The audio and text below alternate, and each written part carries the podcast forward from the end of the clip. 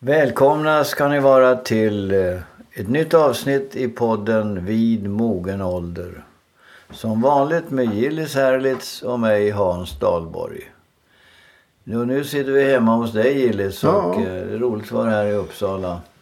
Jag kommer ifrån landet och jag måste säga att eh, en sån vacker höst är svårt att Ja. minnas. Ja, det är verkligen. Otroligt vackra färger och sen är det ju brittsommar så Ja. att man njuter ju enormt. Men alltså, även om temperaturen är hög. Eh, Ja. Vilket nu har slagit värmerekord och så. Så är ju luften annorlunda än på sommaren. Den är klarare på något sätt. Luften. Jag tyckte ugnsvärmen i somras var ganska plågsam. Men det här är en, ett klimat som jag gillar. Ja. Och sen, sen som sagt färgerna de är ju antroposofiska. De här milda men ändå väldigt pregnanta färgerna som lövskogen har. Och så Mm. bakgrunden så finns då de här mörka barrskogarna. Ja. Det är Ja. strålande. Ja, det är fantastiskt. Alltså det räcker att man eh, tittar över ett 20 meters snitt av lövträd. Så det finns ju inte samma färg Nej, nej. Det är otaliga ja, färger. otaliga färger. Ja. Ja. det är väldigt vackert. Jaha, men du ser lite tagen ut. Har det varit mycket trädgårdsarbete? Du vet, du vet att jag har varit barnvakt. Ja. Det är det du anspelar på. Jag, jag har tagit hand om Greta fyra år och eh, Harald två år. Det börjar med att eh, man parkerar på, utanför Föris, förskolan. ja. Och då ska man först upp på avdelning tårtan, hämta Greta. Och eh, då har jag noggranna instruktioner med att stövlarna kan stå kvar men kroken är till vänster om det är några andra kläder du ska ha med dig. När Greta är klar, hon är fyra år och mycket förståndig. Då går vi ner och eh, hämtar Harald på avdelning Marängen. Det hette inte avdelningarna på din gamla bank. Och, eh, och där kommer Harald och han blev oerhört glad när jag kom dit. Morfar, morfar sa han. Och, så, och sen var det iväg och eh, hem till oss. Och det var, de ska ha mat och de ska bytas på, eller Harald ska det bytas på och så ska de sova. Och de, ja, vi låg i dubbelsängen, Harald, Greta och jag. Och eh, Anna fick ligga på annat ställe. Ja, ja. Och Du låg inte ihjäl dem. Nej, alltså det är inte Grisar sant. under De ville ligga intill varandra och så sen fick jag nästan en egen säng där. Jaha. Ja, det var inget fel. Och sen var vi i lekparken och det som sagt det är krävande för att Ja, du får ingen, eh, ingen tid för att pausa. du förstår vilken energi som finns i de där. Det där gjorde de ett experiment med en tiokampare. Eh, Bob någonting, Matthew. Jaha. Och eh, så förstorar man en tvåårings rörelsemönster till hans storlek. Och, Oj. och, ja, han svimmar ju efter tio minuter. Ja. Han skulle klättra upp på en, en förhöjd stol, han skulle klättra ner, han skulle, han skulle springa runt. Alltså det var alldeles uppenbart att den energin får vi aldrig tillbaka. Nej. Nej den, den är som på topp. då. Ja, fantastiskt. Och i de här åldrarna, 18 månader kanske är lite litet, men eh, i Gretas ålder och fyra år, Ja. då har man ju en, en inlärningskapacitet som är enorm. De lär sig ju språk snabbt genom härmarna. Härmar. Hon går på något som heter Lilla Akademin i, Stockholm och eh, tycker det är så kul att dansa och sjunga och måla. Så att, Mm. Och det som du säger, Ja. ja. oerhörda eh, reception, Ja, receptivitet. ja. Jag förstår. Den, den tappar de i övre tonåren. sen. Nej, jag- Inte vill läsa läxor. Men eh, jag tror att jag lyckades bli ganska populär för att när, när min do, vår dotter skulle byta på Harald idag så hade han mycket, var mycket tveksam. Morfar, skulle Jaha. morfar göra? Så att jag är nog... Så du har fått ett nytt jobb. Ja, assi, assistent. Vi gratulerar. Men du, man brukar säga sådär. Små barn, små bekymmer. Ja, Stora barn, ja. stora bekymmer. Och det är ju faktiskt så att i Uppsala så går människor eh, nästan i lite chock. I sorg har jag hört. Ja, i sorg också. Det har ju hänt här någonting. Det var alltså en skola, Gottsunda skolan. som natten till måndagen. eh, I den här eh, förra veckan då när Ja. podden sänds. Började brinna vid halv tre-tiden på måndag morgonen. Och brann ner till stora delar. Och där gick 400 elever. De var naturligtvis inte där så dags på morgonen. Och polisen tog omedelbart två flickor som kom springande ut från skolan. Ja, det är förskräckligt. Och, man, och så visade det sig då att de här flickorna är underåriga. Alltså, Alltså, de är inte fyllda 15. Nej, de är inte straffmyndiga. Så det blir väl socialen som får eh, ta vid på något sätt. Men det är så fruktansvärt. Nu ska vi komma ihåg att de här flickorna är ju inte dömda. Och, och man, de är naturligtvis oskyldiga tills annat har bevisats. Men om det visar sig, för det har det visat sig i andra skolbränder att det inte är så eh, ovanligt att det är just så här unga som tänder på. Och det var ju så att de här flickorna, det första man tänker det är naturligtvis att det är någon sorts hämnd på skolan eller så. Mm, mm. Men det visar sig att de här flickorna gick inte på den här skolan. De bodde egentligen i andra änden av stan. Och eh, så skriver naturligtvis den lokala tidningen en hel del om det här. Och häromdagen så visade så berättar de alltså, eh, redovisar en statistik över skolbränder. Ja.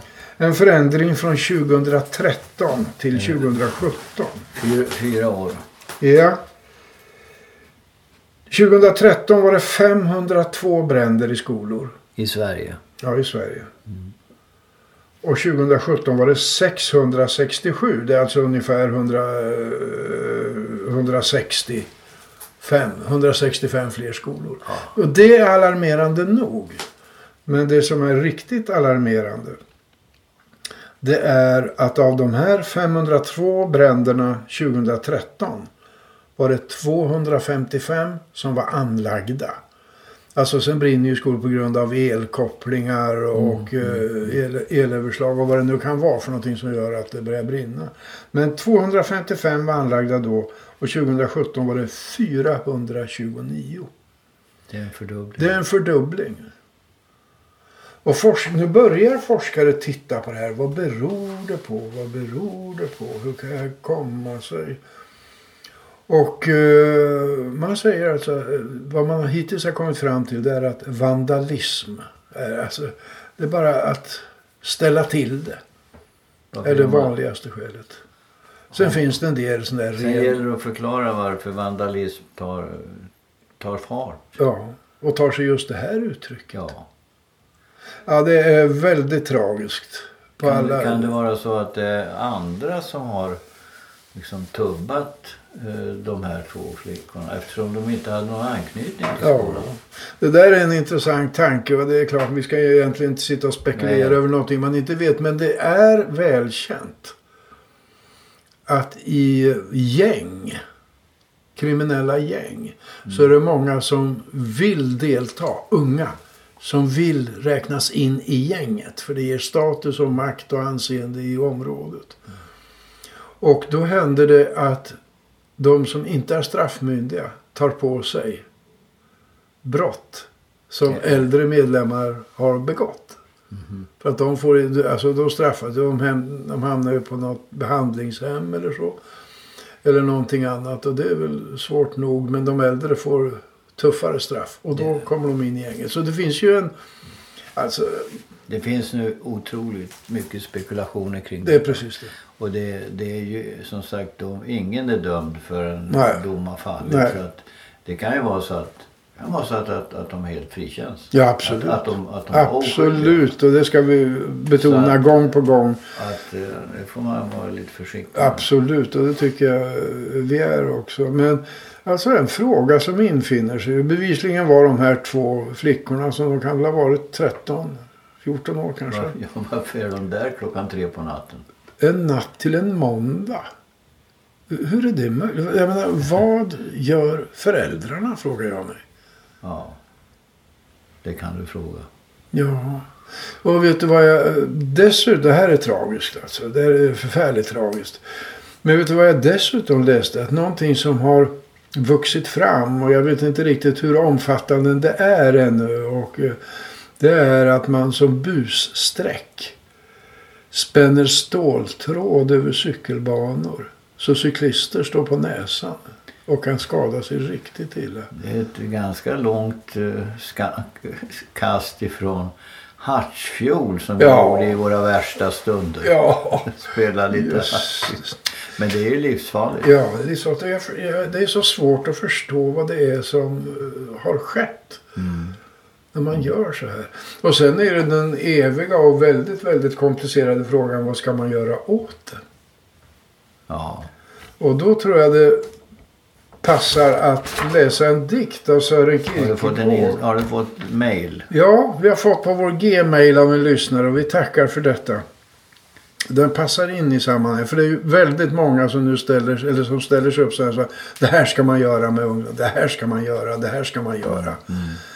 Och jag tycker att det, det här är en, en passande dikt i sammanhanget. Om jag får läsa den. Ja, vem har skrivit den? Det är Sören Kierkegaard.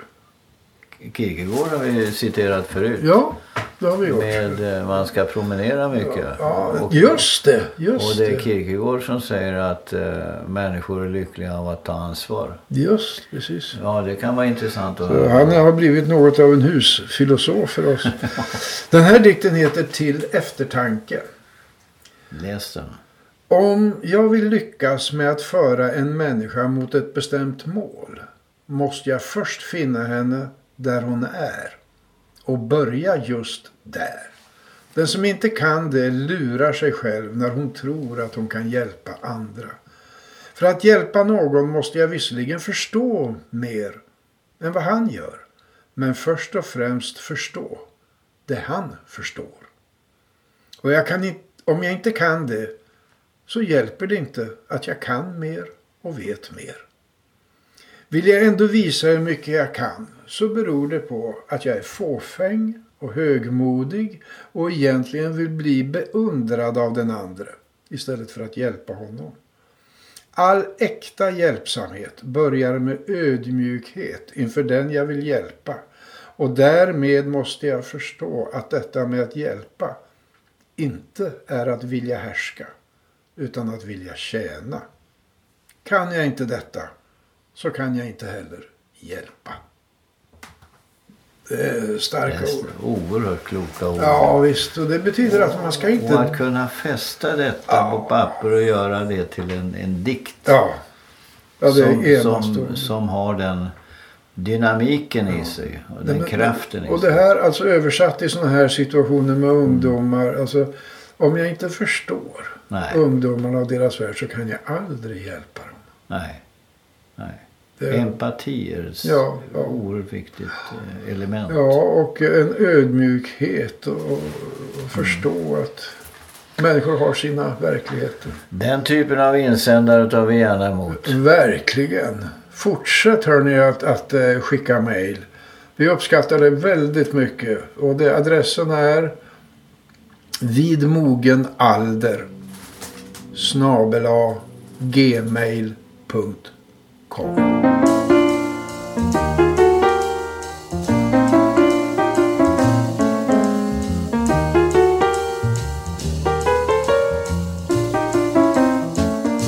här avsnittet görs i samarbete med tjänstepensionsbolaget Alecta. En tjänstepension är ett komplement till den allmänna pensionen och det finns en mängd aspekter man ska överväga när man väljer leverantör av tjänstepension. Samtidigt så har man då i botten en allmän pension, så har man en tjänstepension. Hur, hur ska man bygga upp ett bra pensionspaket för sig? Och jag frågar då Alectas VD Magnus Billing. I botten så ligger då all, vad heter det, allmän pension. Ja.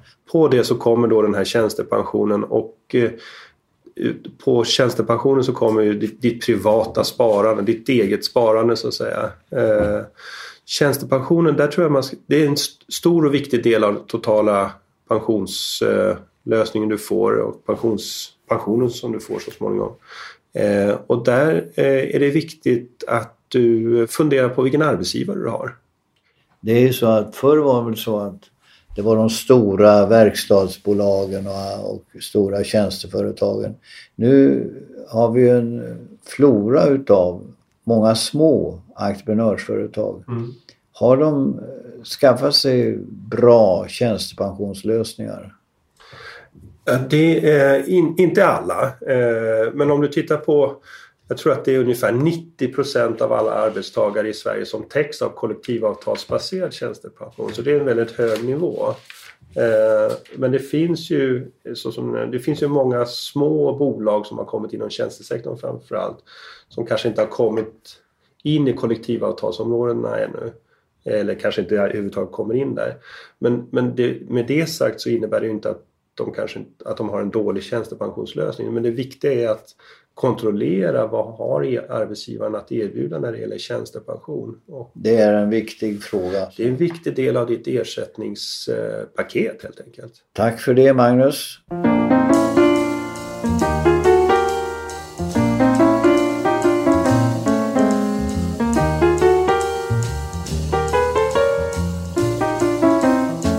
Ja, och du Gillis, du har eh, haft ett samtal med eh, Birgitta Hulter. Just det, som vi utlovade i en, eh, en podd. Eller vi eh, aviserade det i alla fall. Ja. Sexologen.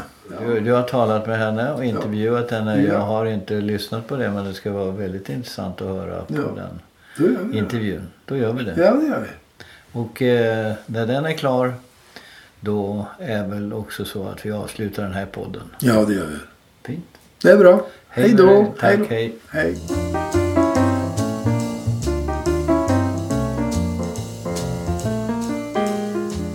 Hej Gittan, vad roligt att du ville vara med i vår podd. hörru. Jag börjar med att fråga. Du, du, har, du är sjuksköterska i botten. Du har disputerat. Du är medicine doktor. Och du är sexolog. Ja. Vad är det för någonting egentligen? Det är ett yrke som inte fanns så vitt jag vet när jag var yngre. Tyvärr så kan man nog säga att det fortfarande inte existerar. Jaså? För att vi har ingen regelrätt utbildning till något sådant yrke. Det, alltså, det, det som är intressant med det här ämnet, sexologin, det är ju att det, det kan innehålla så otroligt varierade fokus. Ja, ja. Och det jag har som fokus, det är klinisk sexologi. ja. Och det betyder då att man arbetar med människor. Och det är det som, som jag tycker är intressant. Alltså jag, jag vänder mig till, ska säga, de som har erfarenheter av ett vuxet liv Mm. och att försöka kanske ha en längre, långvarig relation. Mm. Det är då man Ja. märker av Ja. att det inte är så lätt. Ja. För att så länge man bara är på att man ska attrahera och, och experimentera och så, då är det ju rätt så sorgfritt. Även ja, om man kan... sig själv. Ja, på ett sätt alltså. Ja, ja. Även om man som ung människa också kan känna att det är Ja. oerhört komplext. Och det är det som jag tycker är intressant med det här. Att det är så, det berör ju verkligen människans existens. Mm. Och det gör det eh, meningsfullt så att säga. Och eh, jag, eh, jag gick då de utbildningar som fanns. Det, sociologen hade då fler, eh, Jan Trost till exempel Ja. som undervisade sexologi. Ja. Ja.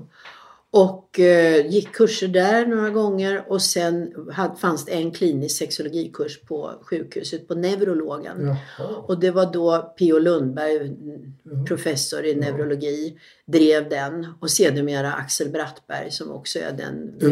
Alltså kopplat till neurologin? Ja. Jaha, ja. Och, och, och på den, jag började på det sättet och sen gick jag ytterligare någon sån här vidareutbildning för vårdlärare i fysiologi. ja. Och i det sammanhanget så gjorde jag en litteraturstudie över kvinnors sexuella fysiologi. För det Mm. har aldrig någon andats om. Då hade jag redan gått anatomi och fysiologikurser i flera omgångar. jag förstår. men det var aldrig någon som pratade om det. Det var som att, och det är fortfarande så idag, att det är ju fascinerande. ja, det är Att hela hälso och sjukvårdsområdet, äldrevården eller vad du vill, hoppar över på något sätt. Och förklaringen får vi betänka handlar om att det är mycket värdeladdat. Ja. Och att människor har så oerhört skilda värderingar.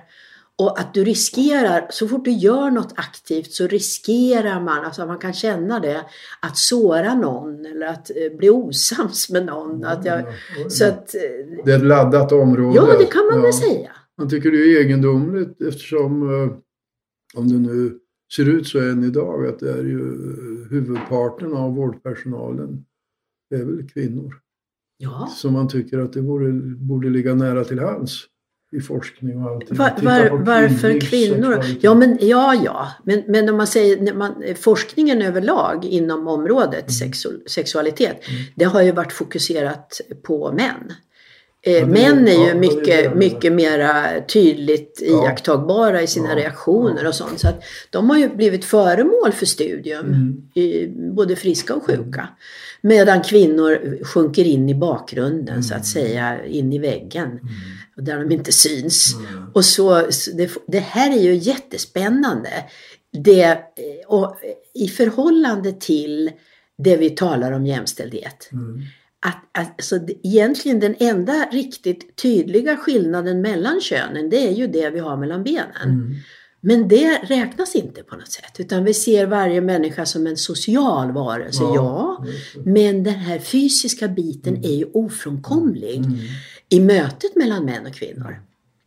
Oavsett man, om man vill vara man eller kvinna. eller så Ja, ja. som jag. Du, eh, har du besök av många äldre? Ja, alltså, Arbetar du mycket med äldres sexualitet?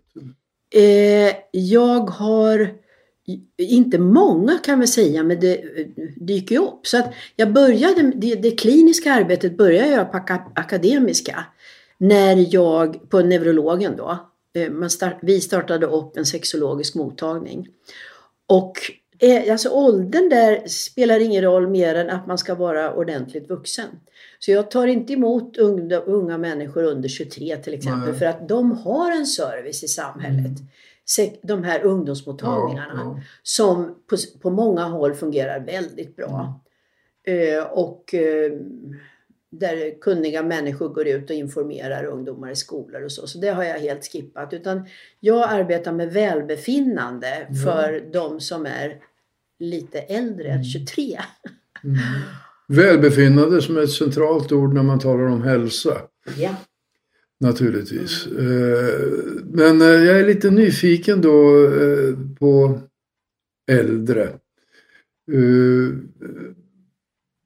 Eh, Är det en nödvändighet på något sätt att eh, sexuell lust och erotik avtar med åren? Svar nej. Men det här, det är ju så, det här är ju sådana saker som Alltså det påverkas ju väldigt mycket av hälsan främst. Det är Ja. vad man har sett när man Mm. utvärderar hur äldre människor har det. Det är att man ser en tydlig koppling till hälsan, alltså övriga fysiska hälsan. Ja. Så drabbas du av olika sjukdomar och, och operationer och medicineringar och allt vad det heter. Då kommer ju det att slå på dina möjligheter. Att, eh, Inte på lusten men på möjligheterna. ja, men även lusten. Jag menar, hur Mm. kul är det? Man Nej. är jättesjuk. Nej, Eller de, nej. deprimerad. Och sådana besvär tilltar ju också ofta Mm. när man blir äldre. Men, men det roliga att se är ju att det, det finns en väldig eh, ska säga, spirande också, livslängtan kanske man kan kalla det för.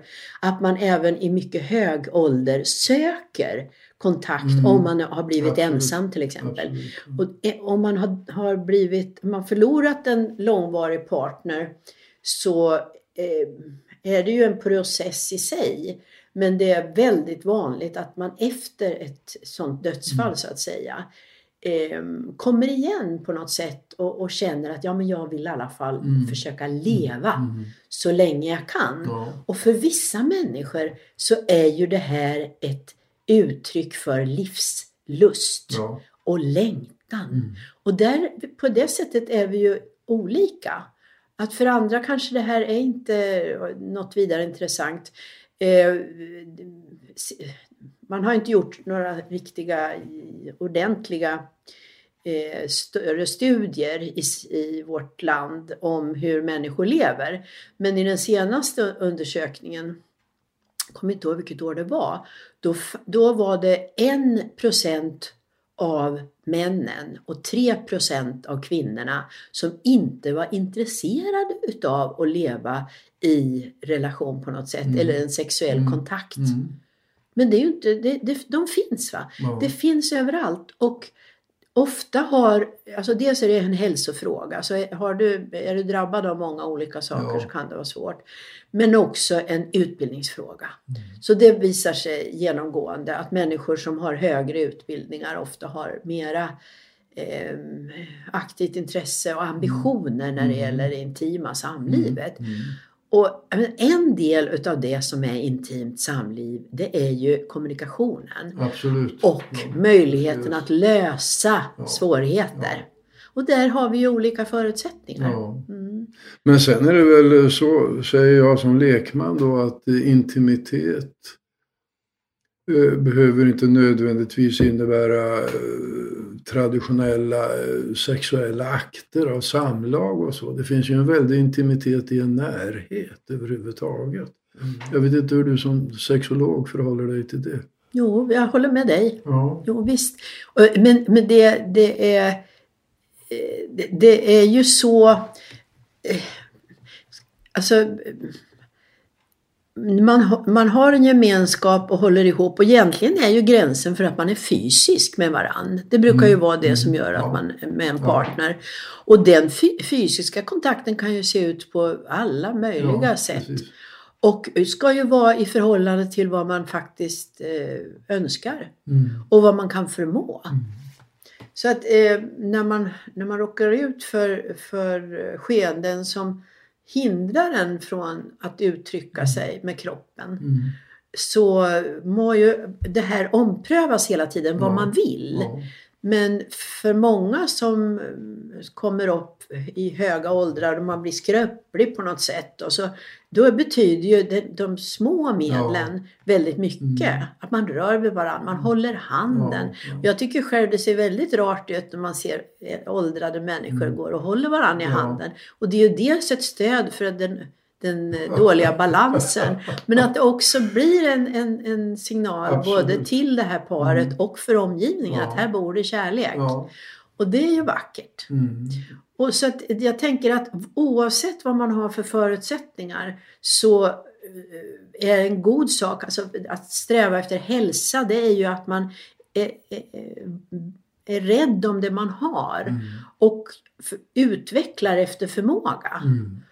Och man kan självklart tacka nej. Och det är också viktigt. Man ska ju inte tro att alla vill och måste och sådär. Det är ju bara befängt. Men, men att man ska kunna ha, få stöd om man är bekymrad över hur det fungerar eller inte fungerar. Ja. Och, så att det, det, det är Men du, alltså många, många vet jag inte, jag har ingen statistik, men det är inte så ovanligt att äldre män tappar eh, potens. Eh, och eh, att eh, äldre kvinnor får problem med smärtor i underlivet och så. Ja, det stämmer det. Men finns det rent fysiskt hjälp att få in, i alla de situationerna? Eller får man acceptera det helt enkelt? Ja, det finns ju möjligheter att hjälpa och det finns så eh, medlen kan ju vara mer eller mindre stödjande. Men om man säger den erektionsförmågan hos en man, det, som är spännande med det som man har upptäckt på senare år det är ju att egentligen signalen om att man har svårigheter att få erektion kan många gånger eh, handla om att det är blodkärlen som börjar bli förkalkade. Ja, ja. Och eh, då är ju det en signal kan man säga som gör att man behöver titta på hjärt och kärlhälsan. Absolut, ja. Och där kan man ju göra saker. Eh, man kollar om man har någon diabetes som kan bidra till att man har en eh, störd Jaha. erektion. För att eh, diabetes har ju egenheten att påverka både blodkärl och nerver. Så att det som gör att det sexuella fungerar i kroppen det är egentligen nerver, blodkärl och hormoner. Mm. Och ehm, alla de kan ju vara möjliga att påverka. Ja. För, och för kvinnors del, jag ska säga, ja, männen har ju då sedan det dök upp Viagra eh, många olika möjligheter att få rent läkemedel, Mm, mm. eh, stöd för det här. Men det betyder inte att det alltid fungerar.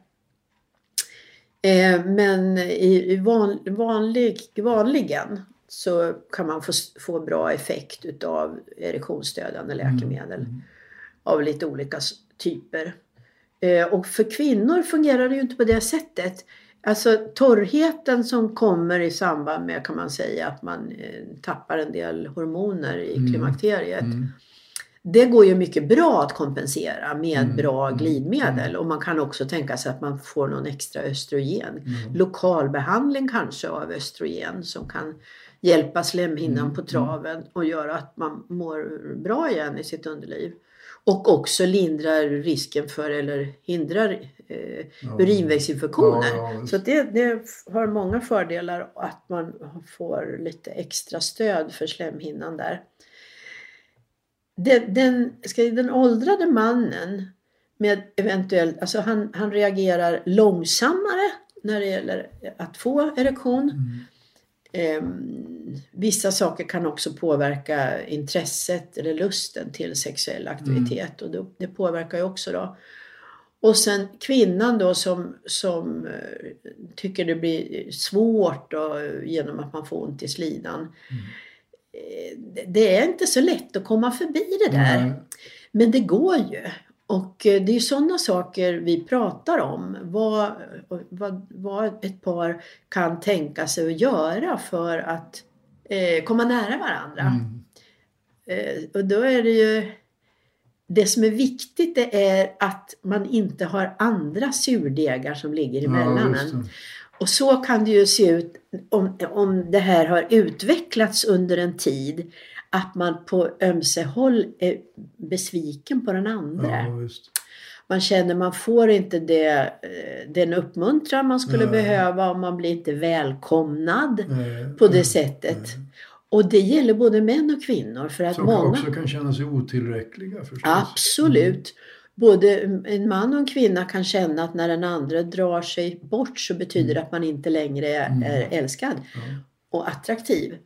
Eh, och det behöver ju inte handla om det. Nej. Utan att man faktiskt eh, börjar tveka att närma sig för man Mm. känner sig själv otillräcklig. Ja. Så att det, det där är, är väldigt mycket. Alltså, eh, Men mycket av, mycket av det där torde väl ändå kunna hanteras med hjälp av det centrala och viktiga begreppet du använde av kommunikation. Att man faktiskt pratar med varandra. Det är nu inte så lätt att prata två personer som har någon form av problem. Det gör alltså väldigt stor skillnad att sitta ner tillsammans Ja. med någon för att, man säger så här, ett par som diskuterar en sån här fråga har i allmänhet, en, var och en kan ha svårt att lyssna på den andra. Ja. Man vill bara framföra sin egen Mm. ståndpunkt. Så ser ju många samtal ut också. Men Nu hör Nej, du på men- mig, jag håller på nu framför min synpunkt. Nej men det är, ju, det är ju alltid väldigt viktigt eh, att om det finns möjligheter att ha någon kompetent person som också kan visa att detta är inte helt ovanligt Ja, absolut. Ja. i det här. Du Gitta, jag tror att vi måste få återkomma till dig med flera samtal för det här är outtömligt och väldigt intressant. Så tack så mycket för den här gången Gitta. Och ja, jag, jag skäms lite för att jag har pratat så mycket. För Ja, att, men det var ju jag det tänkte, som var du fick ju knappt ställa dina frågor. Jag behövde inte ställa några frågor, du besvarade dem innan. Ja, Okej, Nej, men det var Tack roligt att komma. Tack ska Tack, du ha. tack, Hej. tack. I believe in miracles. You from? You sexy thing, sexy thing, you. I believe in miracles. Since you came along, you sexy thing.